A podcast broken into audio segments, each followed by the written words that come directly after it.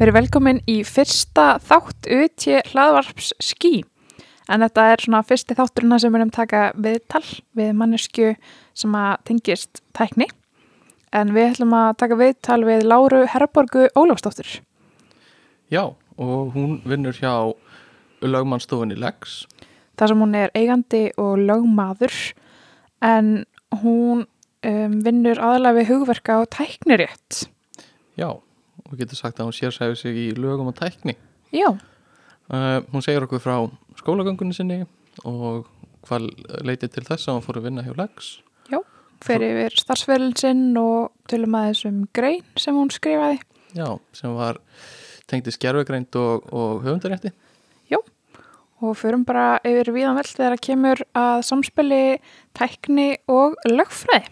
Já, uh, gerðu þessu vel.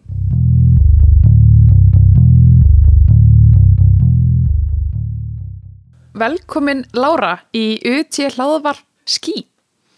Takk hellega fyrir. Fyrsti gestur, Fyrsti gestur, mikill heiður.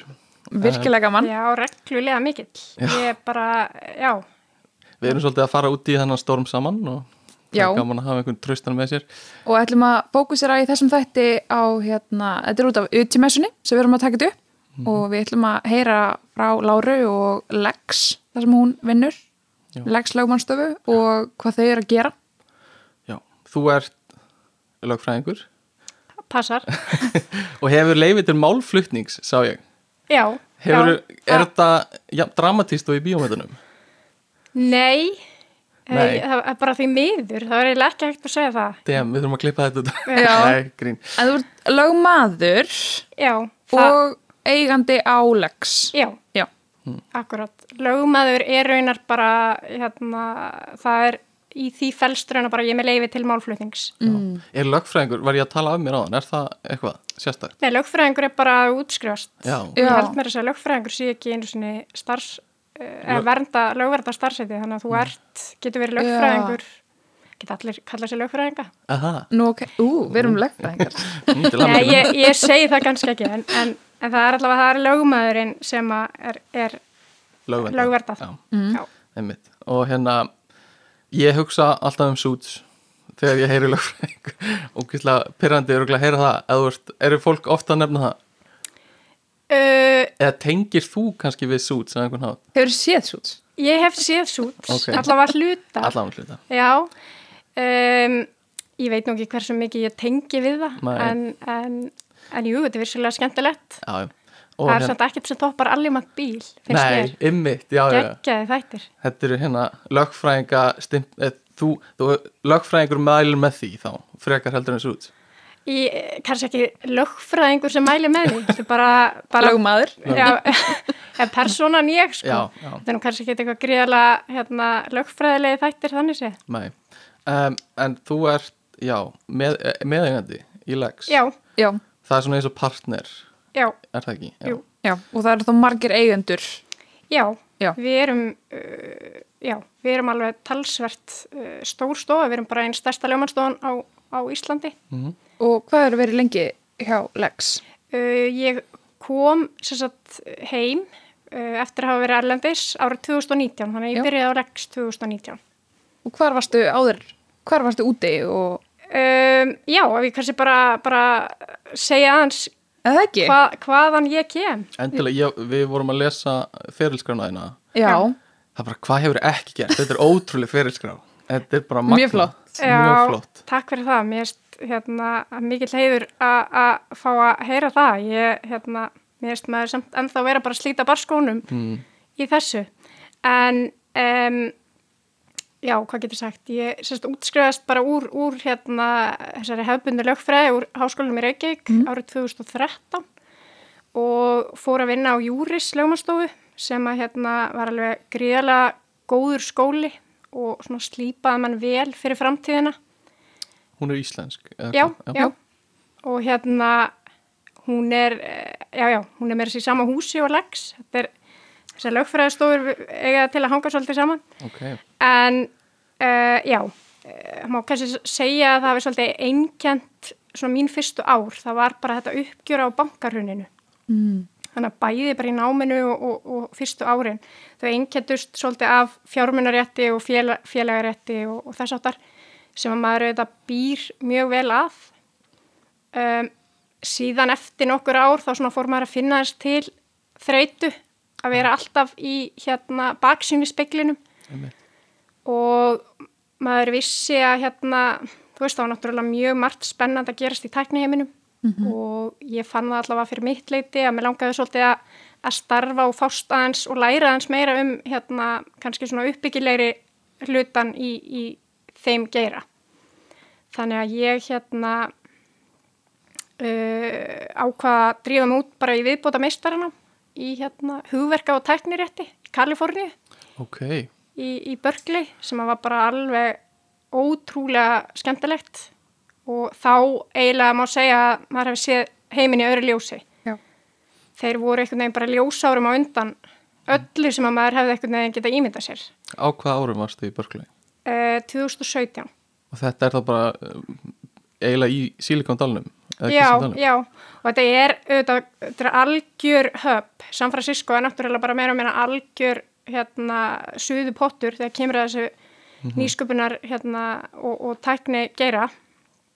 Og bara sem dæmi þá sko þegar ég mætti þannig þá, þá voru sjálfkeirandi bílar ekkert spennandi lengur sko, þá voru bara Ok. sjálffljúandi bílar.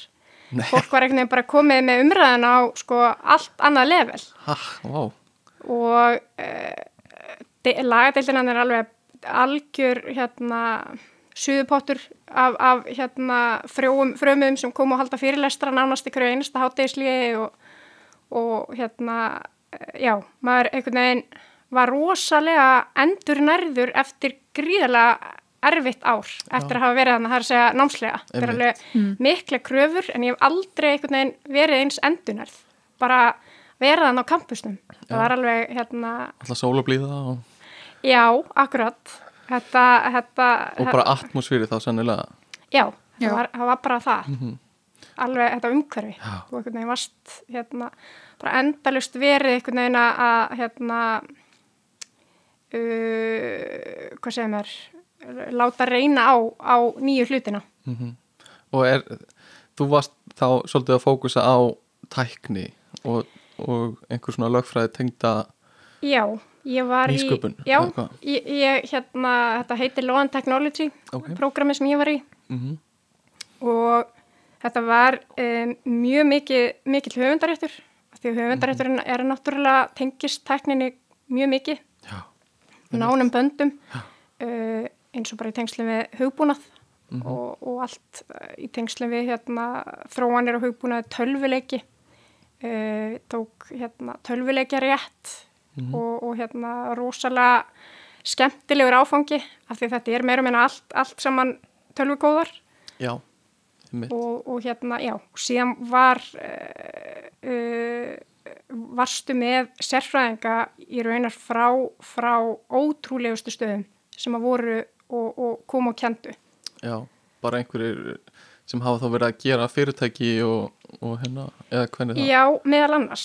ok, Þú veist, Við hérna uh, kennararnir sem sáu um kursana voru þetta yfirleitt bara með, með hérna uh, sagt, ef, ef þeir voru ekki í fastri vinnu við deildina Mhm.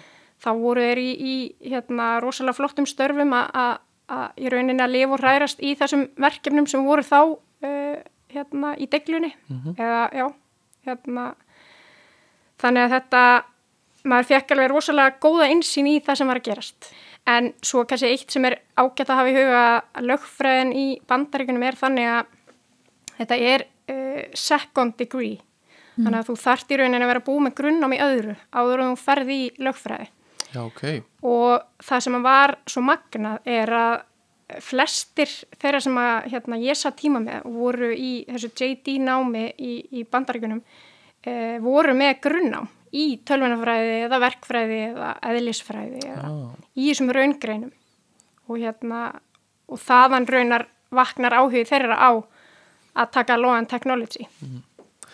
Og hérna uh, þú varst að tala um að þetta væri oft tengt höfundarétti. Var, um, var eitthvað mikið talað um gögn líka eða var það einhver þáttur af, af þessu námi að svona gagna það tengdist bara hérna persónavendinni Já. en jú, já, já, maður tók en, en að vísu eru persónavendareglunar þar öðruvísi heldur enn í Evrópu Já. en, en ég hérna uh, tók áfanga í þessu og meðal annars í samanburði við Evrópu já, þar sem var mikið mitt fjalla um gagna öryggi og, Mhm. og hann ætla búið að reyna gífurlega á þetta núna einmitt. nú er bara Evrópudómstólinn eiginlega búin að setja einmitt. Bandaríkunum stólinn fyrir dittnar með eins og, já, Facebook hérna, Cambridge Analytica er eitt. Já, akkurat. Og hérna, já, algjörlega. Það hefur, reynda á þetta mjög mikið.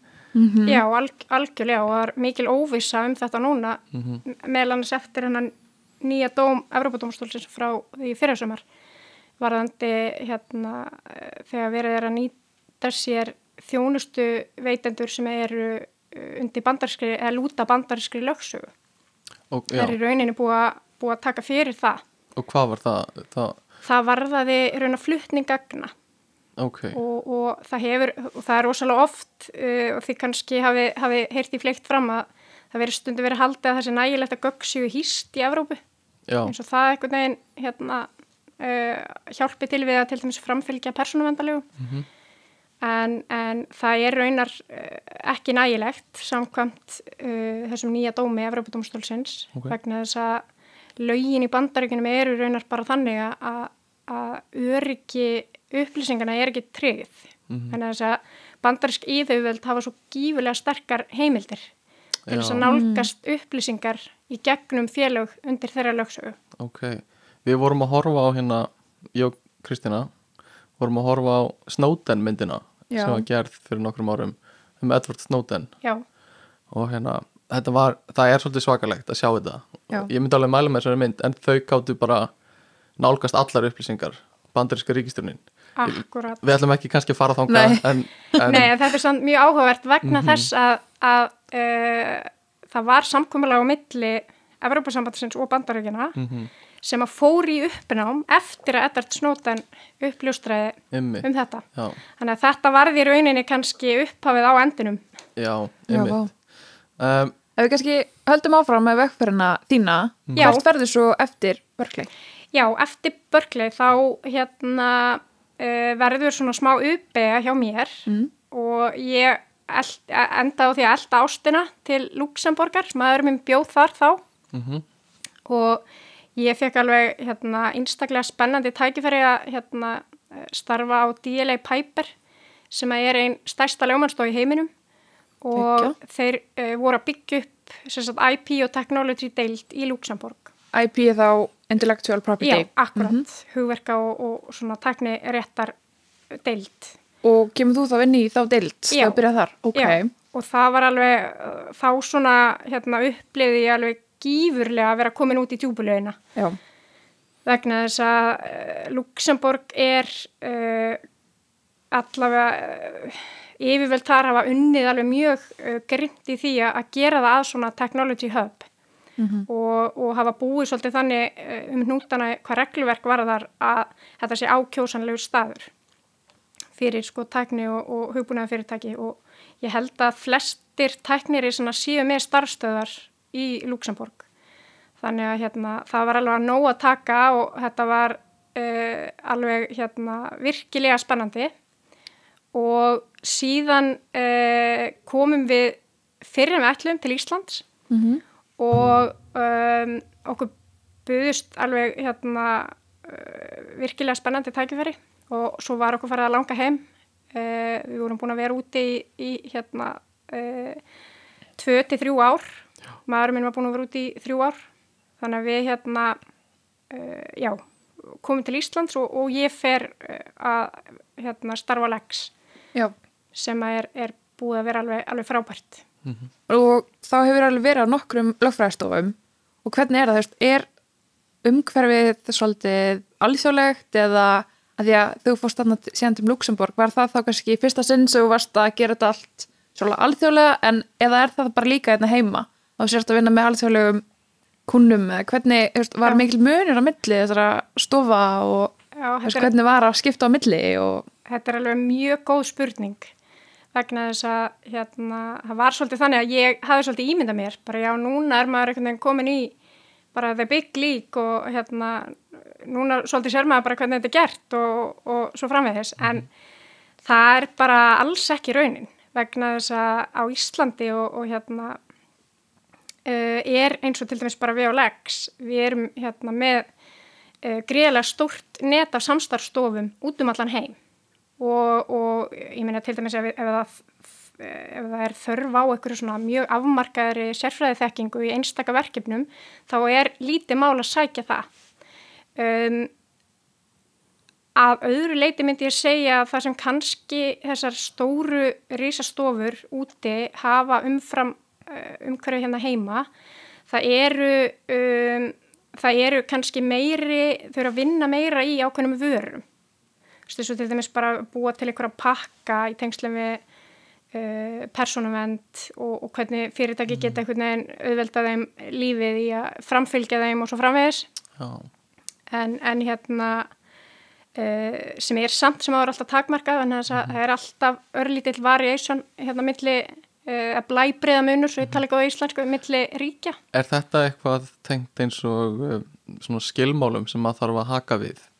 Er það að gera pakka fyrir fyrirtæki? Ég þarf að samþekja einhverju skilmála á netinu? Já, til dæmis en, en sko, svo er ef maður komur út í það að hérna Um, til þess að geta útbúið skilmála mm -hmm. þá þarf fyrst að leggja stað í vinnuna sem er um þetta greina hvaða gögn er verið að sapna þarf að gera vinslu skrá mm -hmm. þarf að kortleggja lögumættis grundöðlin mm. um, hvaða hérna uh, lögumættis grundöðlir er fyrir hver og einni vinslu Já. hvaða öryggisástafanir eru til staðar eða þarf að gera Þannig að þetta er ekkert rosa mikið copy-paste á milli þetta fer Nei. alveg eftir skorðum hjá hverjum á einum Akkurat Mér, já, ok.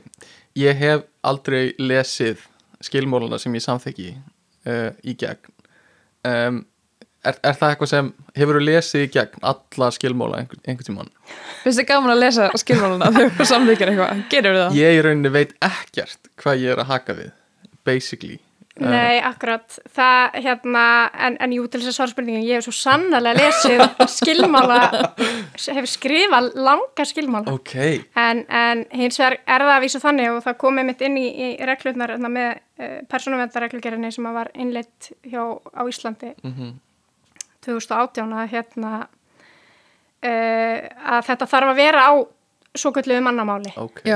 þannig að það, það var einmitt eh, gerð allega einmitt að þessum mm -hmm. löngu skilmálum sem að enginn las einmitt. og kannski tengjast svolítið bandaríkjunum mm -hmm. og bandarísku lagaumhverfi mm.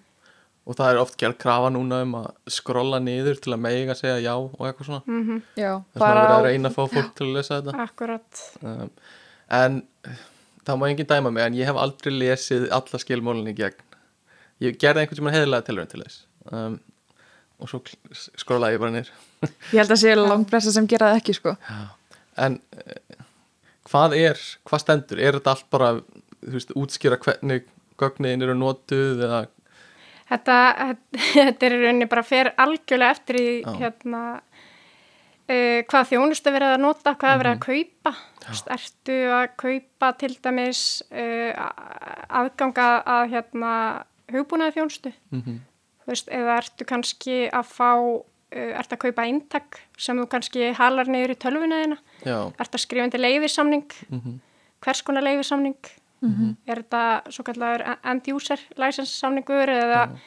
þú veist, og það auðvitað fer líka bara eftir, eftir hverju einu fyrirtæki, hvernig mhm. þeir, þeir heimila, þannig að, en, en varandi persónavendina þar getur, getur líka verið, það getur leinst inni hérna, uh, einhver samþekki, Já. hjá þér til þess að vinna með tilteknar upplýsingar. En, en, en aftur þá kannski er fyrirtækjum svona hérna settar ákveðnar hömlur. Já, það, það myndi aldrei koma fram að ég hefði gefið einhverja rosa miklar upplýsingar frá mér með því að haka við þetta bóks eða getur það, getur það gerst? Sko Eh, er það að meina þá einhverjar upplýsingar sem eru langt um frá tilgangin með vinslu? Já, í rauninni, bara svona óþægilega mikið. Ég myndi, myndi segja að það var nú eiginlega ekki, ekki lægið sko. Nei, ok. Ok, ég þurka svittan hérna venninu. Já, en það er mitt, nú er alveg búið svolítið að, hérna, að taka allt þetta út mm -hmm.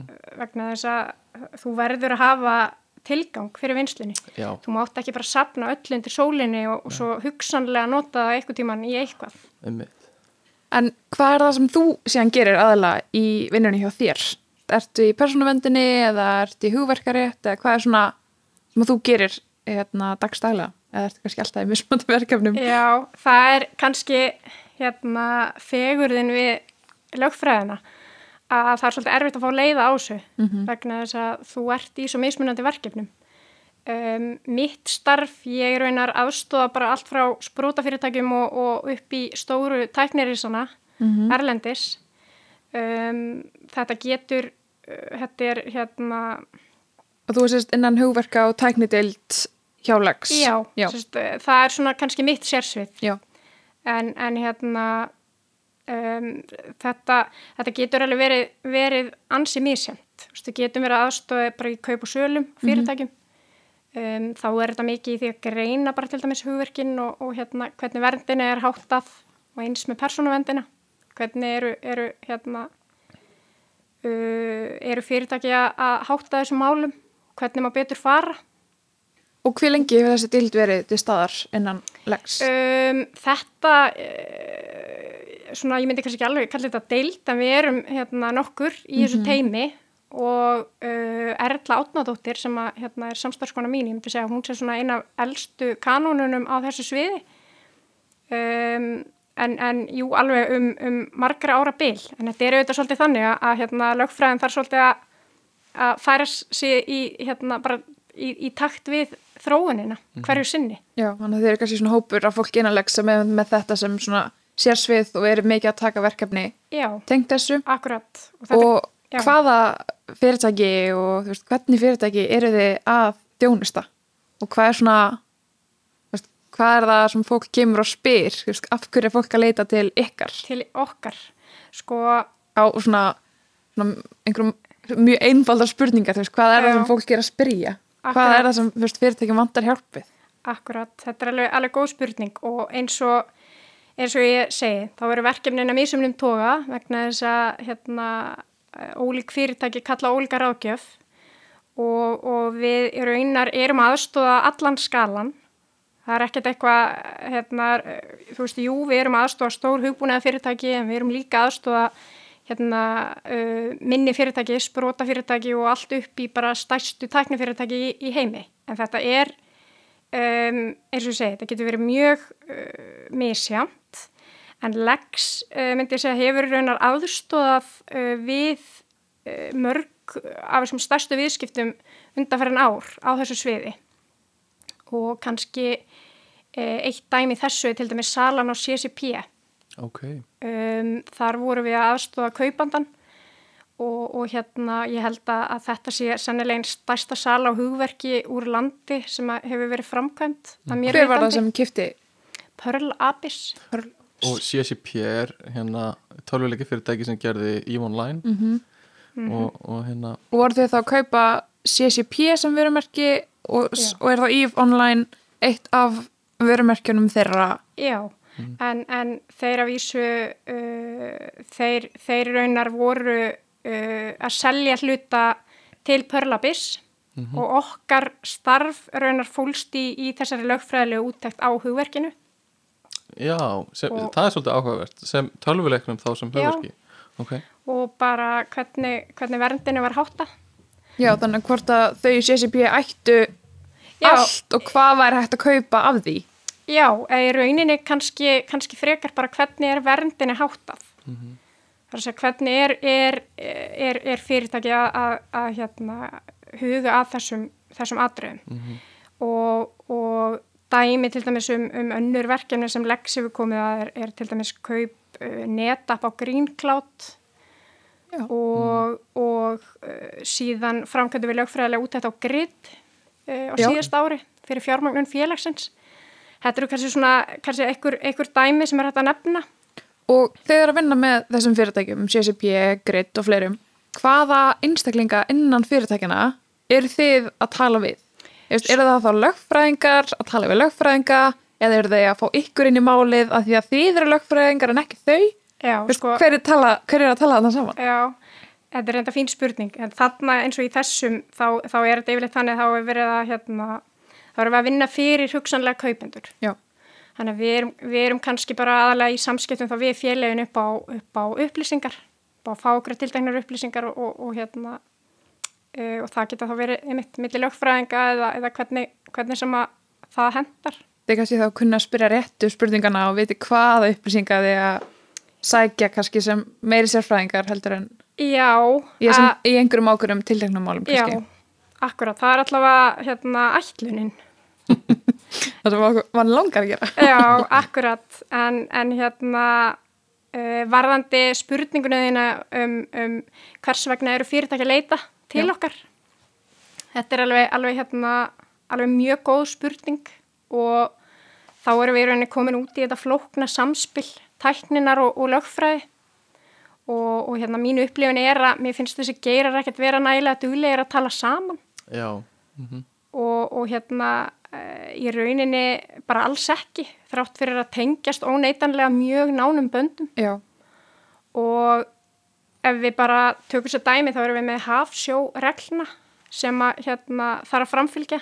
Og þetta getur verið bara í tengslu við upplýsingaöryggi, uh, höfundavernd, hugbúnaði, neytendavernd, uh, uh, þetta er í rauninni bara mikið af leikreglum sem að þarf að hafa í huga. Já, en á sama tíma þá erum við kannski með, með ímist þá háskólamentaða eða sjálfmentaða forritara sem eru að ráða sig inn í fyrirtæki og aðstóða við að þróa hugbúnaðalustnir án þess kannski að hafa nokkra þekkingu á lagaumkörunu sem þeir vinna í. Og þetta er svona, hérna, maður hefur stundum reykist á þetta og, og, og einmitt verið svolítið að ræða það, það er gífulega mikilvægt fyrir fyrirtæki að huga svolítið vel að þessum atriðum og þá er mitt áður en að lagt er af stað. já, eins og þú veist, með, maður, ég er kannski svona meira að hugsa til núna sprótafyrirtækja. Mm Mhm. veist, hversu snemma er fólk að pæla í því, heyrðu, ó, ok, hefur kannski að ráða inn lögfræðing næst í staðin fyrir annan forritara eða eigum við að ráða inn lögfræði stofu. Er fólk að pæla í þessu nógu snemma? Akkurat, þetta er bara frábær spurning vegna þess að þetta getur bara bæði verið uh, gífilega kostnaðar samt að sko lendi í vesenni og hérna og jafnvel óyfirstíganlegt. Um, ef, ef að það þarf að hérna bakka eða, eða jafnvel gera hlutinu búið nýtt.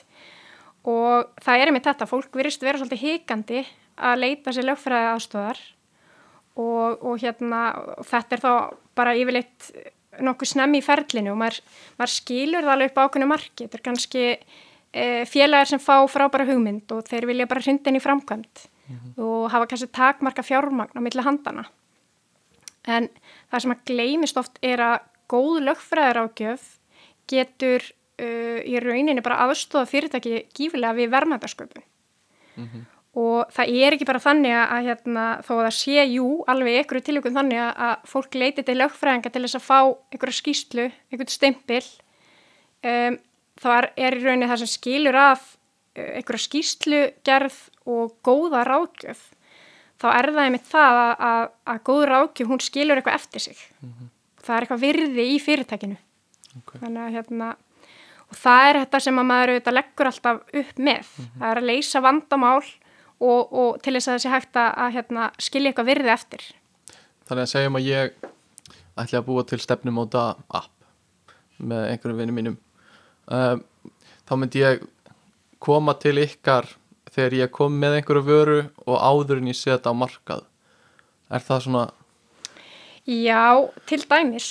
Uh, en það er líka bara einmitt gott að huga því uh, veist, og það, það er kannski eitthvað sem að maður sér stundum að, að hérna uh, fólk hugsaður ekkert rosalega oft út í endan þegar það eh, byrjar og þá þarf þetta ekkert endilega að vera í tengslum eins og bara til dæmis í tengslum við smáfórit þetta er oft svolítið og ert svolítið bundin af samningsskilmálunum og, og þess að það er en, en, en eins og bara til dæmis með hérna, samkomulega á milli stopnenda og eigenda. já. Já, hvað, en ef að ég er með ykkur í þessu og ég forrita 80% af kóðunum á ég 80% af appinu? Eða, eða ferða eftir hvort að ég keifti tölvu á nafni fyrirtækisins Veist, hver, hver á kóðan, hver á þá lausnina Akkurat, en þe- þetta er alveg þetta er alveg hérna, mjög mikilvæg spurning vegna þess að ef að það er ekkert sami um þetta þá er þetta alveg, alveg klassíst að enda í, í deilum Einmitt. varðandi hérna, hvernig, hvernig skiptingin á að vera og svo framvegis. Hafið þið fengið eitthvað svona málin á borðið ykkur? Hefur þið einhvern tímann tekið fyrir eitthvað svona sambarlegt? Maður hefur séð þetta stundum í bara hérna uh, til dæmis bara þegar að vera að reyna að selja fyrirtæki að hérna þá að vera, þá þarf að skoða það, þú veist, ok þið, á félagið hugverkið hver eru stofnendur, hver hver er komið hvað, er búið að hérna framselja allt yfir Mm -hmm. Er búið að stopna félag? Hver á félagið? Já, einmitt, ak akkurat og, og þá kemur stundum já, æ, hann Palli, hann hann var bara með okkur hann fyrst og, og síðan eitthvað, flutt hann bara slettist upp á vinskapin eða eitthvað. Þú veist, þetta getur alveg mögulega skapa vandamál. Þannig að það eru líka bara þessi atriði. Mm -hmm. það, það að sækja sér lögfræði aðstóðar er ekkit endilega einhvern veginn Nei. e, það er ekkit sama sem merkja og þá, þá sé einhvern veginn allt að fara að stefni í eitthvað óhefni Og Það þú er ert ekki að endilega bara að fá slæma fréttir sko, sem mann kannski margir halda að sé að sækjast bara eftir, að fara ekki fyrir en að það er eitthvað svona slæmt að Já, gerast. fyrir en ég er komin í fangilsi og hef símtalið mitt þá ætla ég að ringi lögfræðin Einmitt. Já, Já, og það, það sem gerir þetta örugglega erfitt líka er hvaða er ótrúlega hröð þróun í tækni. Þú veist, fyrstu snjálfsými kom á markað fyrir 12 árum cirka, eða þú veist, 13 árum sem er, og, og núna eru allir með þetta, í, bara nánst í heiminum eða svona, Og hvernig er lagaumhverfið í takt við veist, framþróunna á tækninni? Er lagaumhverfið að halda í við eða, og er þá kannski bara allar sem verður að falla undir einhvern ákveðin flokk? Uh, sko ég held að laga umhverfið sé almennt bara frekar, frekar gott eins og fyrir, fyrir hérna, sprótafyrirtæki og, og þess aftar í, á Íslandi en uh, það er samt þannig að- að við Ísland og, og núna hljóma ég eins og stjórnmálamæður sem ég er alls ekki við viljum auðvitað vera í farabrotti þegar kemur að tækni og nýsköpun. Og það er uh, þannig að við erum með gífulegan hraða og það eru bara örar tæknibreitingar og hverjum einasta degi nánast. Og, og þrátt fyrir þetta séu mikið af nýjungum og tækifærum þá eru samt líka áskoranir. Og það er ekkert bara fyrir til dæmis fyrirtæki og einstaklinga heldur líka veist, hvernig á að, að reglu væða þetta umhverfi sem er svo ört að breytast. Og, og hérna kannski ágæti stæmi sem er hægt að taka er til dæmis gerfigreind já, og um, það er og þið kannski viti þetta auðvitað en, en það getur verið afar snúið að afmarka með nákvæmum hætti. Mm -hmm. hvernig gerfigreind vinnur með tildingin gögn og leiði fram niðurstöður. Þess að við erum með þetta, hennar svo kallega svarta kassa þetta AI black box. Og við vitum í rauninni ekkert endilega hvað er í gangi þar inni. Og svo kemur bara eitthvað út. Þannig að við erum að tala um allt sem að gerfugreindin býr til. Já, Já. ég veit ekki hvað við viljum útskýra mikið hvernig gerfugreind virkar um, en hérna Kottu með það uh, sko svona hinn hin hefðbundna gerfugreind er náttúrulega þannig að um, þú hefur eitthvað módel til að lýsa gögnum eins vel að þú getur. Og það er, það er svona þessi, þessi hefðbundna þá og það er það sem er talað um oft í, í data mining eða, eða svona gagnanám um, að þegar þú reynir að finna upplýsingar í gögnum uh, með, með þessum tæk, þessari tækni sem, sem gerugrind er. Og það er oft getur verið tauganett eða það getur verið aðra aðferðir sem eru ekki tauganett uh, þó að tauganett séu rosalega trending og vinsæl núna þessa dagana. Og þú ert að reyna að fá eitthvað virði út úr gögnunum. Já, oft Búa eitthvað til. Já, búa eitthvað til. Oft, uh, það er þessi business gerfugreind sem er oft notuð.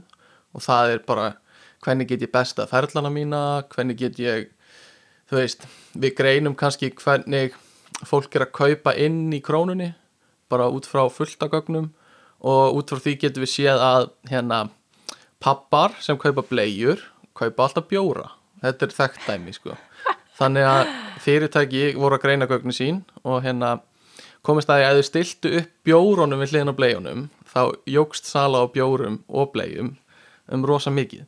Þannig að þetta er svona bara að reyna að finna alls konar upplýsingar úr gögnunniðinum og hérna þetta getur líka tengst og, þá komum við inn á persónuvend að við erum að greina sko í rauninu hópa af einstaklingum og erum að nota sagt þína hegðun þín sem- gögn. þín gögn.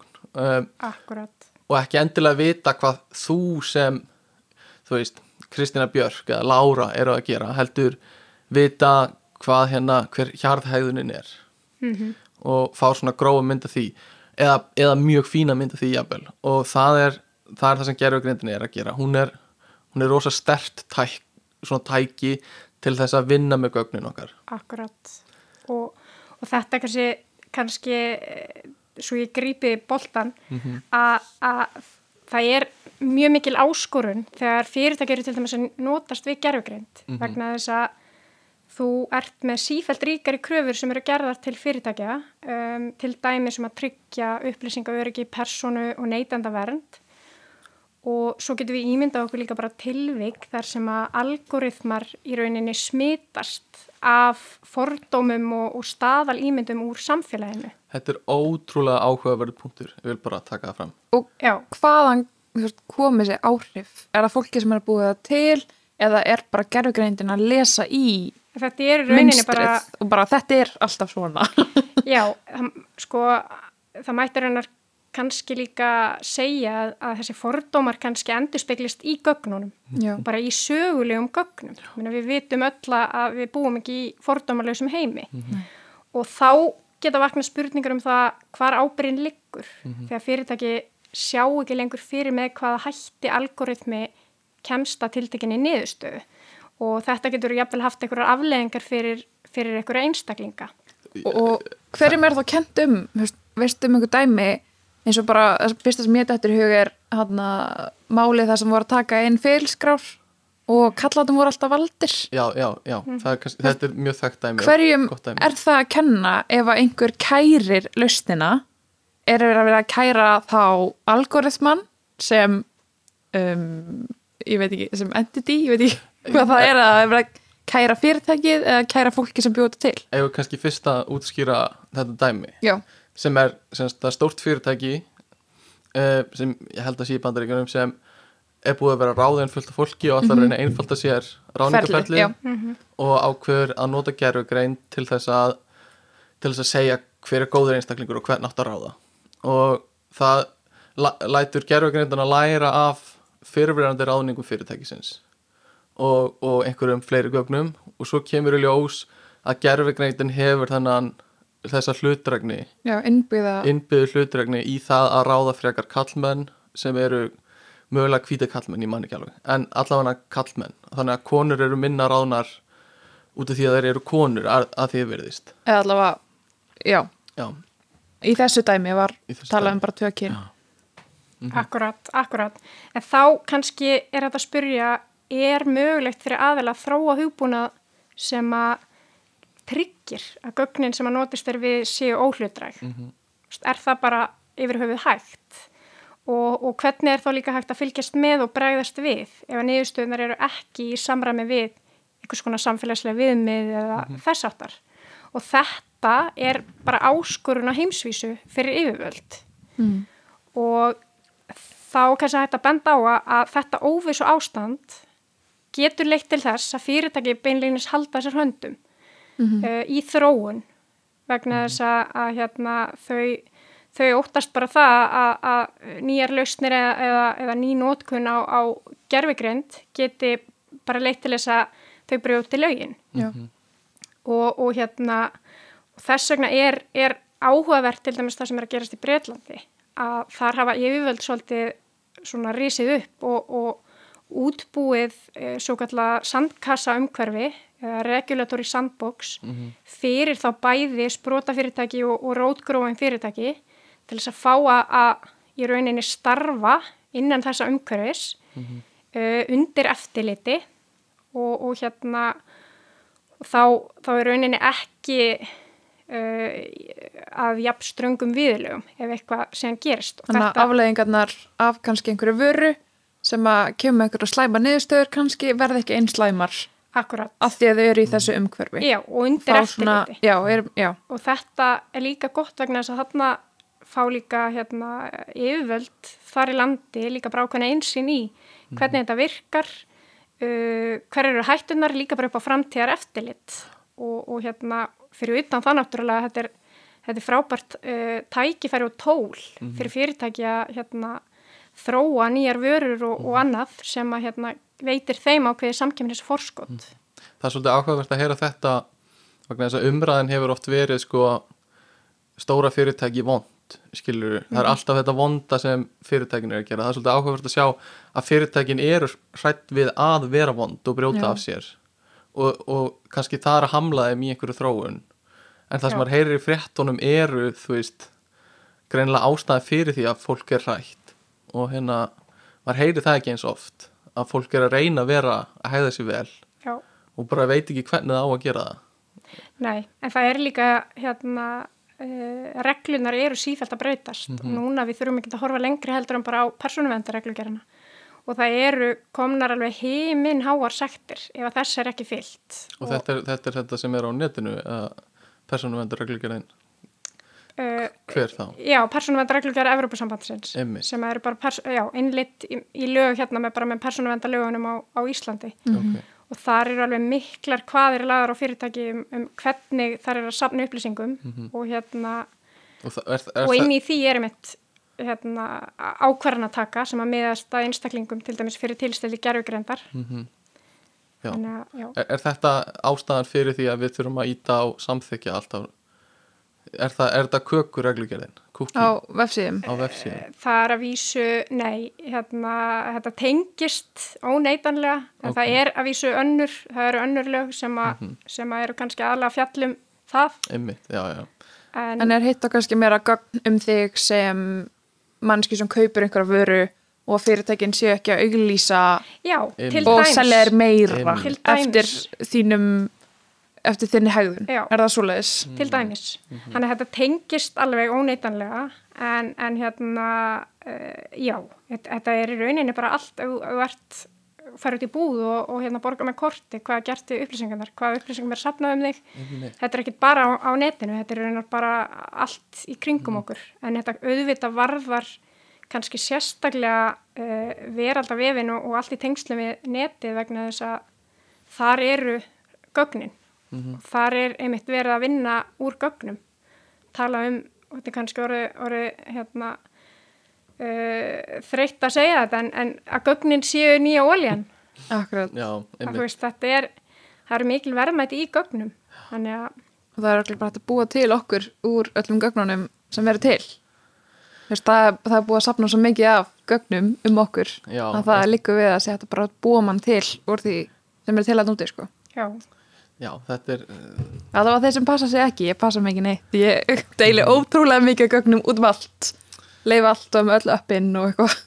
Kannski ennur sagði þér Stefán. Þú ert aðeins passívari með þetta. Já en, fyrst við erum líka að tala um gerfugreind þá er einmitt líka hugmyndin með þetta uh, responsible AI Já, hvað þetta er hérna uh, hvað er mörgum spurningum ósvarað og sem að við einhvern veginn og, og það er ekkert eitthvað bara eitt og eitt fyrirtæki sem þarf að finna þetta hjá sér heldur. Ég er þetta svolítið samfélagslegt hérna, samfélagslegar áskoranir. Kemur þetta eitthvað kannski er ég að fara í ranga átt en kemur þetta eitthvað inn í kannski hvaða fólki er kent til dæmis eins og forriturum og svo framvegis, þú veist, er einhver lögfræðikensla eða siðfræðikensla inn í þessum inn í námi sem fólk er að læra eins og tölunafræði, hugbúnaverkfræði sko, núna er ég í að læra þetta? Um, og þar hefur ekki verið skilda að taka þessa kúrsa, það hefur verið í bóði eins og lögfræði. Seðfræði kúrsa og já um eins og data protection og, og lögjöfu kringu það. Um, ég hef tekið á báða semst, einnum seðfræði og einnum um gögn svona lagalegu hliðina. Uh, og ég held að eigi að fara að leggja meiri áslöða núna en það hefur ekki verið hingað til og þú ert að kenna áfunga í HR eða ekki? Jú, ég er að kenna uh, tækni og tölvurétt. Mhm. og, og svo að við sem verðum áfanga núna í vor sem heitir fjártækni og lög. En, en jú, hérna ég uh, hafði einmitt mikið, hérna mikið áhuga á að, að, að hérna að þetta er þverfaglegt.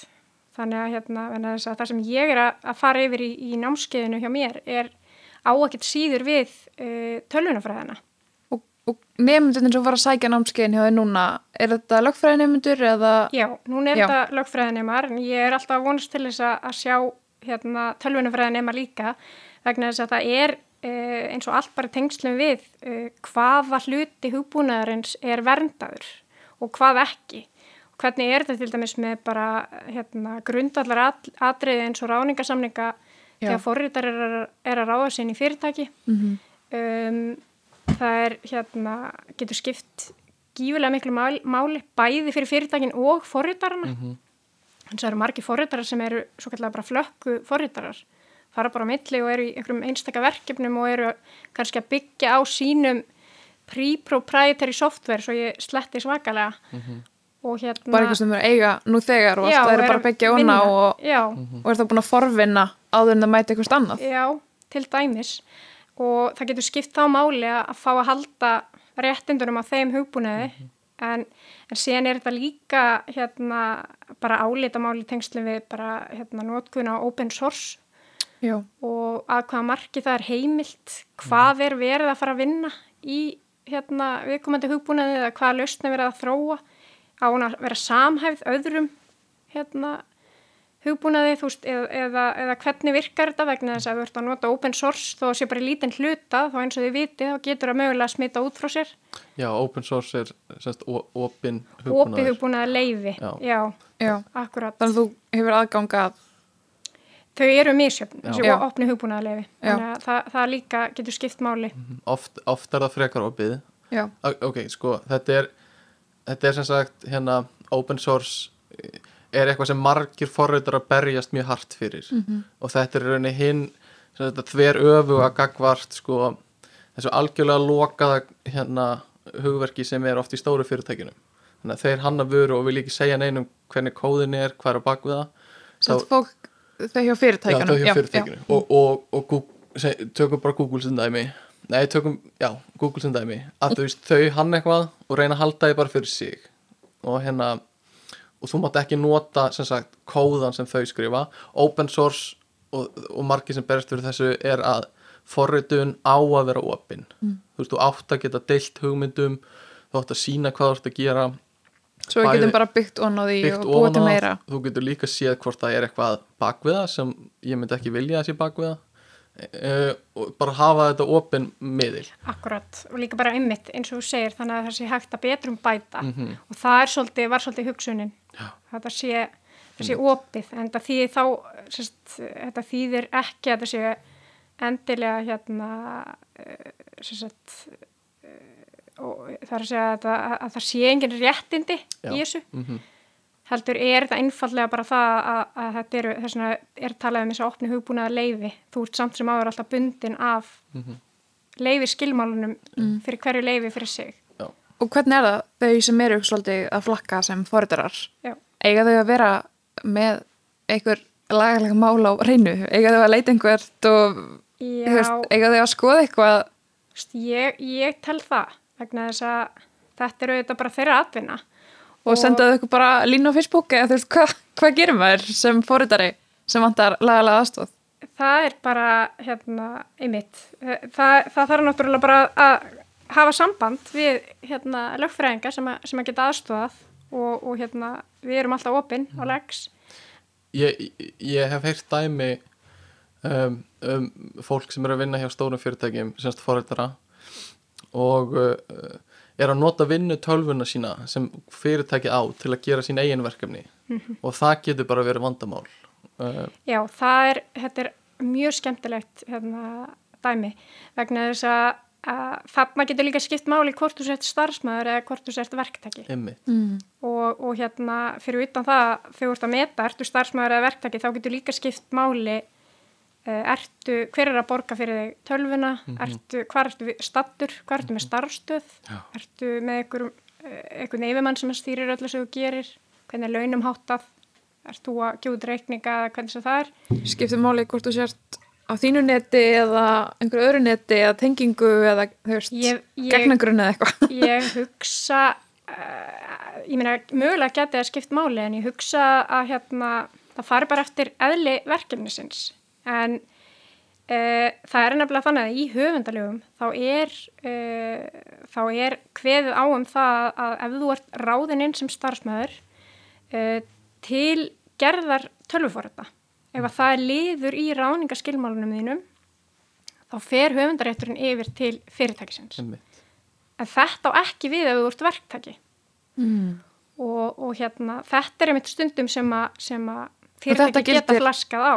Þetta gildir hérna heima eða bara allstaðar eða... já, þetta er, Já. Þetta er, þetta er bara í íslensku höfundalögunum. Ég eh, hef vunnið sem forritari aðeins og hérna var að vinna hjá háskólum í Reykjavík. Og, og þar var einmitt tekið fram í samning uh, um þetta en þar var tekið fram að sko þetta eru mitt hugverk sem, sem Já. forritarans mm en ég held að það sé ekki gefið.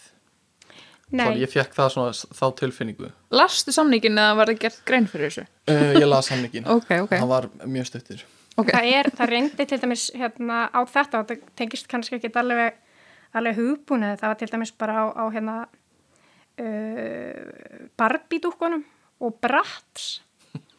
Þá Ok. var sem sagt uh, hönnur sem að hafi verið að vinna hjá Barbie eða hérna, hvað heitir þetta fyrirtæki uh, eitthvað. já, sem að á, á hérna Barbie. Mm, Æ, ég, ok. man, ég man ekki hvað heitir M, M eitthvað. Já, Já, hérna. já. Uh, það sérst var með, með hönnu sem að hérna uh, Mattel. Mattel, akkurat um, sem að hérna fær hugmyndina Bratz mm. og hættir síðan og, og býr til Bratz. Og þá vildi sérst að vildu fyrirsásmenn Mattel meina að þeir ættu Bratz. Og, og þá hérna hafa mér það lögfræðingur í, í hérna háskóla í Kaliforníu sem skrifaði um, um, um þessar deilur og undir, undir heitinu You Don't Own Me. Þetta er mjög skemmtileg bók, ég hitt hana hérna þegar ég var úti í Berkeley. Og það var einmitt verið að fara svolítið í þetta að hvaða marki geta fyrirtæki bara eignast Einmitt. Allt sem, sem að starfsmenninir hugsa. Og Ma, já, mér finnst þetta svolítið þetta er svolítið skeri óþægilegt. Tilugsunni sko einhvern veginn að þú getur mist bara það sem þú helst á eftir. En, en hérna það er svo- svolítið eins og eitthvað svona eitthvað svona ég veit ekki, eitthvað svona skrýmsli sem svona konsjúmar hluti og svona tekur þá inn í sig. Já, ég, ég held allavega að við, á Íslandi er þetta nú ekki, ég hugsa að þetta er alltaf talið ósangjant að hérna ætla sér að, ætla, ætla sér að eigna sér allt undir sólinni. Mm en, en enga sigur þá eru samt svona ákveðin grundallar atriði sem þarf að huga sérstaklega að í tengslum við hugbúnaðagerð og, og, og eins varðandi það þegar verið er að ráða inn verktaka sem að kannski þekka ekkit alveg fyrirtækið inn og út og, og varðar til dæmis open source. -hmm. þannig að það er oft sem að hérna, það er einhvern veginn engin, að, engin mikið að pæli hlutunum. Já. Uh, Já, góð punktur ágætt að nefna open source, eins og þú segir, það er ekki endilega þú mátt ekki taka allt og, og stela því, en hérna þó það sé opið þú ver, verður að gera grein fyrir og fylgja þeim reglum open source kerfisinn sem eru til staðar. Akkurat. Og það nefna höfund kannski að þú ert að nota eða hérna, og það er einhver svona skilmál en grundvallar höfundin er að hafa þetta opið. Já, um, sko, þú skrifaði grein sem mér finnst mjög áhugaverð og ég las í gær sem heitir Gerfugreind og höfundaréttur.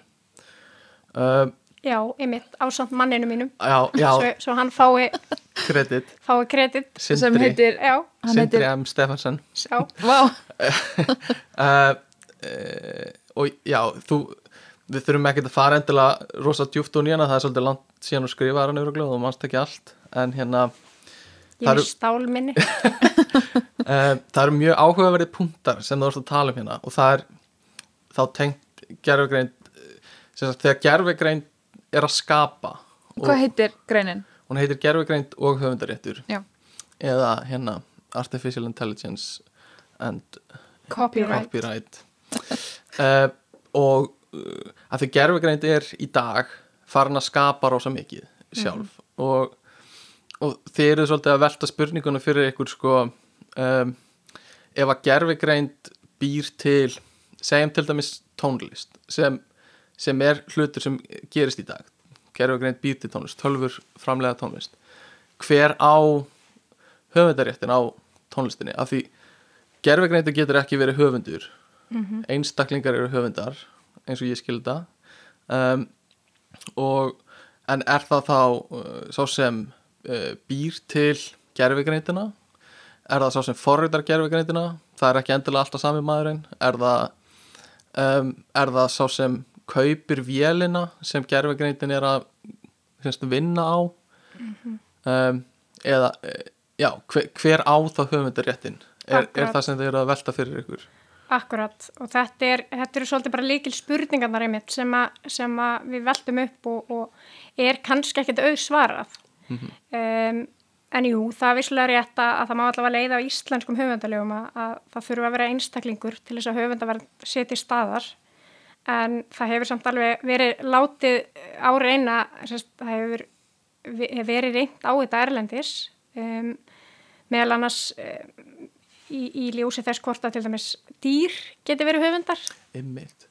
og, og hérna það var einmitt mjög sérstakt mál sem að hérna var fyrir nokkrum árum síðan uh, hvort að ljósmyndari sem að hérna var við tökur í þjóðgarði uh, hérna þegar api hérna uh, hrifsar af hann myndavælina eða, eða hrifsar allavega til sín myndavælina, ég veit nú ekki hvort það var verið af ljósmyndarinum en, og tekur af sér nokkra sjálfsmyndir og hérna og þetta vakti mikla lukku og ljósmyndarinn hérna dreifði þessu og þetta fór algjörlega út um allt Einmitt.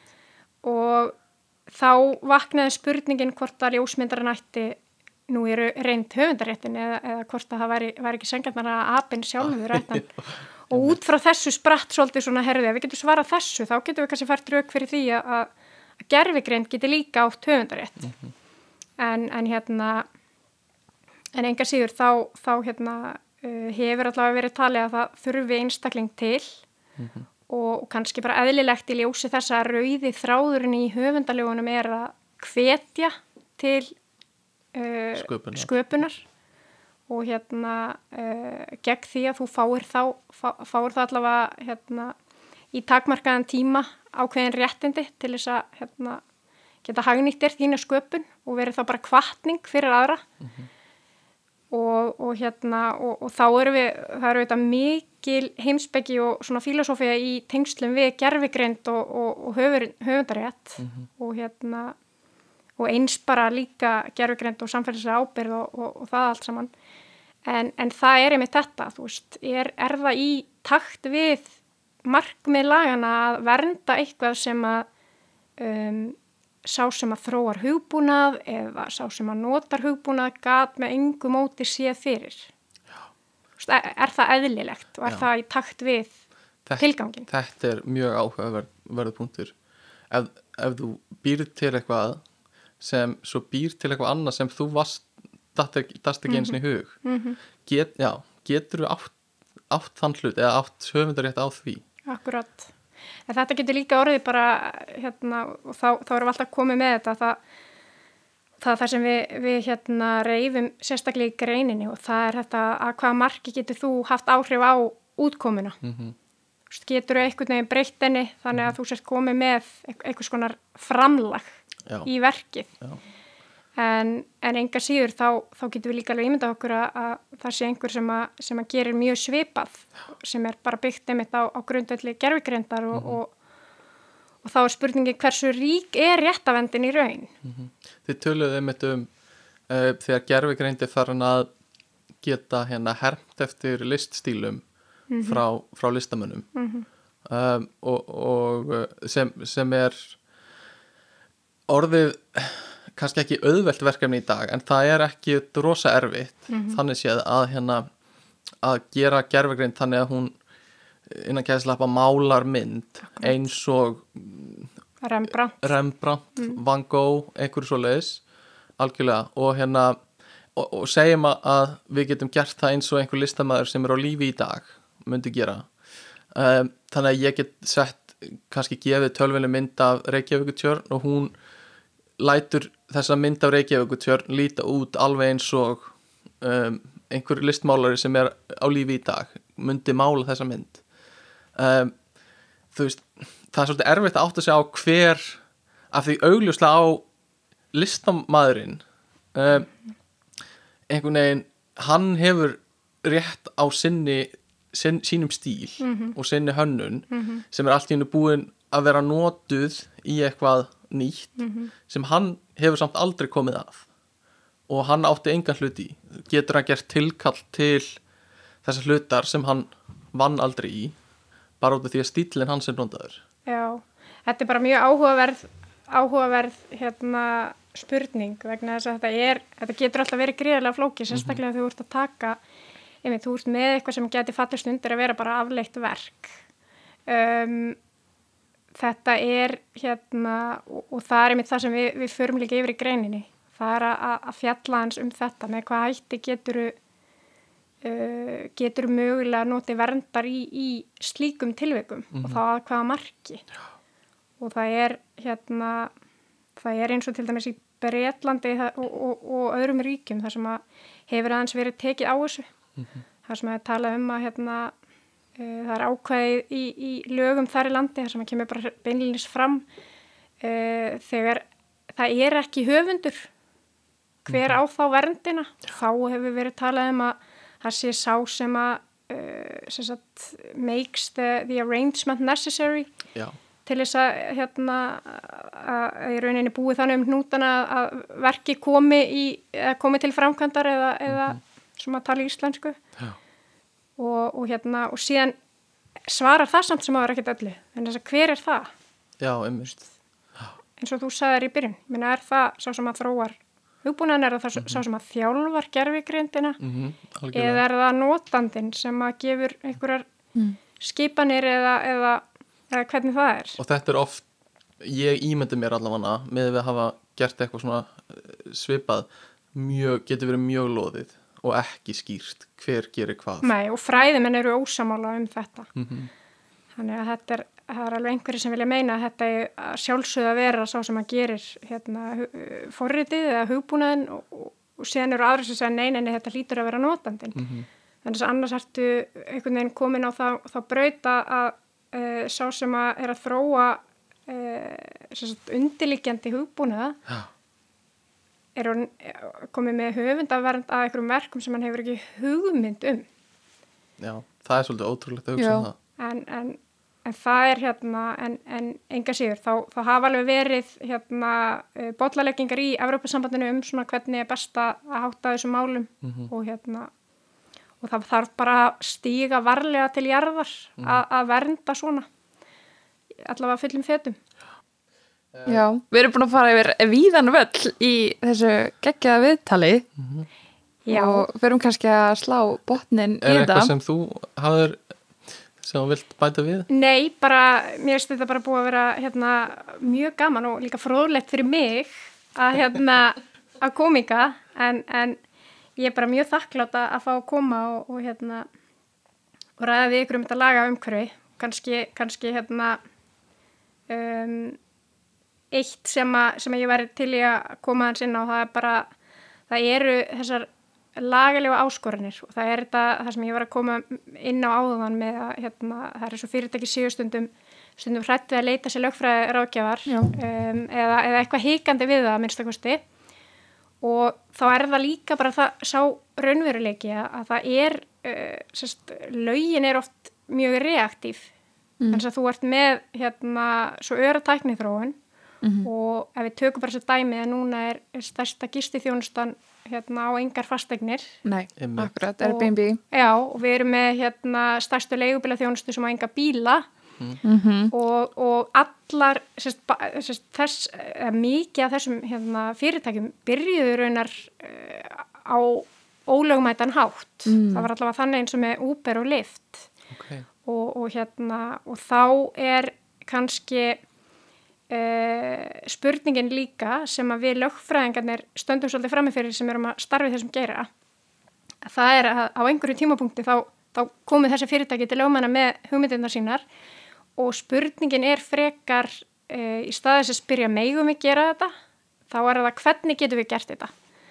Þannig að við erum, og ég hef oft líst starfinu mínu svolítið sem þannig að ég sé í rauninni bara að fikra mig um í einhvers konar lagalegu tómarúmi en, en það er með þetta, hvernig getum við aðstofa við að hrinda hugmyndum í framkvæmt og, og eru kannski einhverja lagalegar hindranir og þá þarf ég bara að skoða það hvort það sé ekki hægt að, að, hérna, að, að tala fyrir þá, þá breytri lögjöf. Þannig að þetta er svona, uh, þetta getur verið uh, margskonar sem að, sem að hérna, rákjöfum getur komið að gagni. Það er mjög góð punktur, sérstaklega til að slá botnin í þetta. Það hefur verið sannur heiður á það þig, Lára. Já, Uh, Takk, við verðum að gefa bara sérstakt uh, sjátt át á Sindra Stefansson algjörlega. fyrir að skrifa þessa grein með þér. Já. Um, og við hérna, já, bara takk fyrir, við kveðjum þá, er það ekki? já, Já. takk fyrir þetta Lára Herborg Ólafsdóttir takk hella.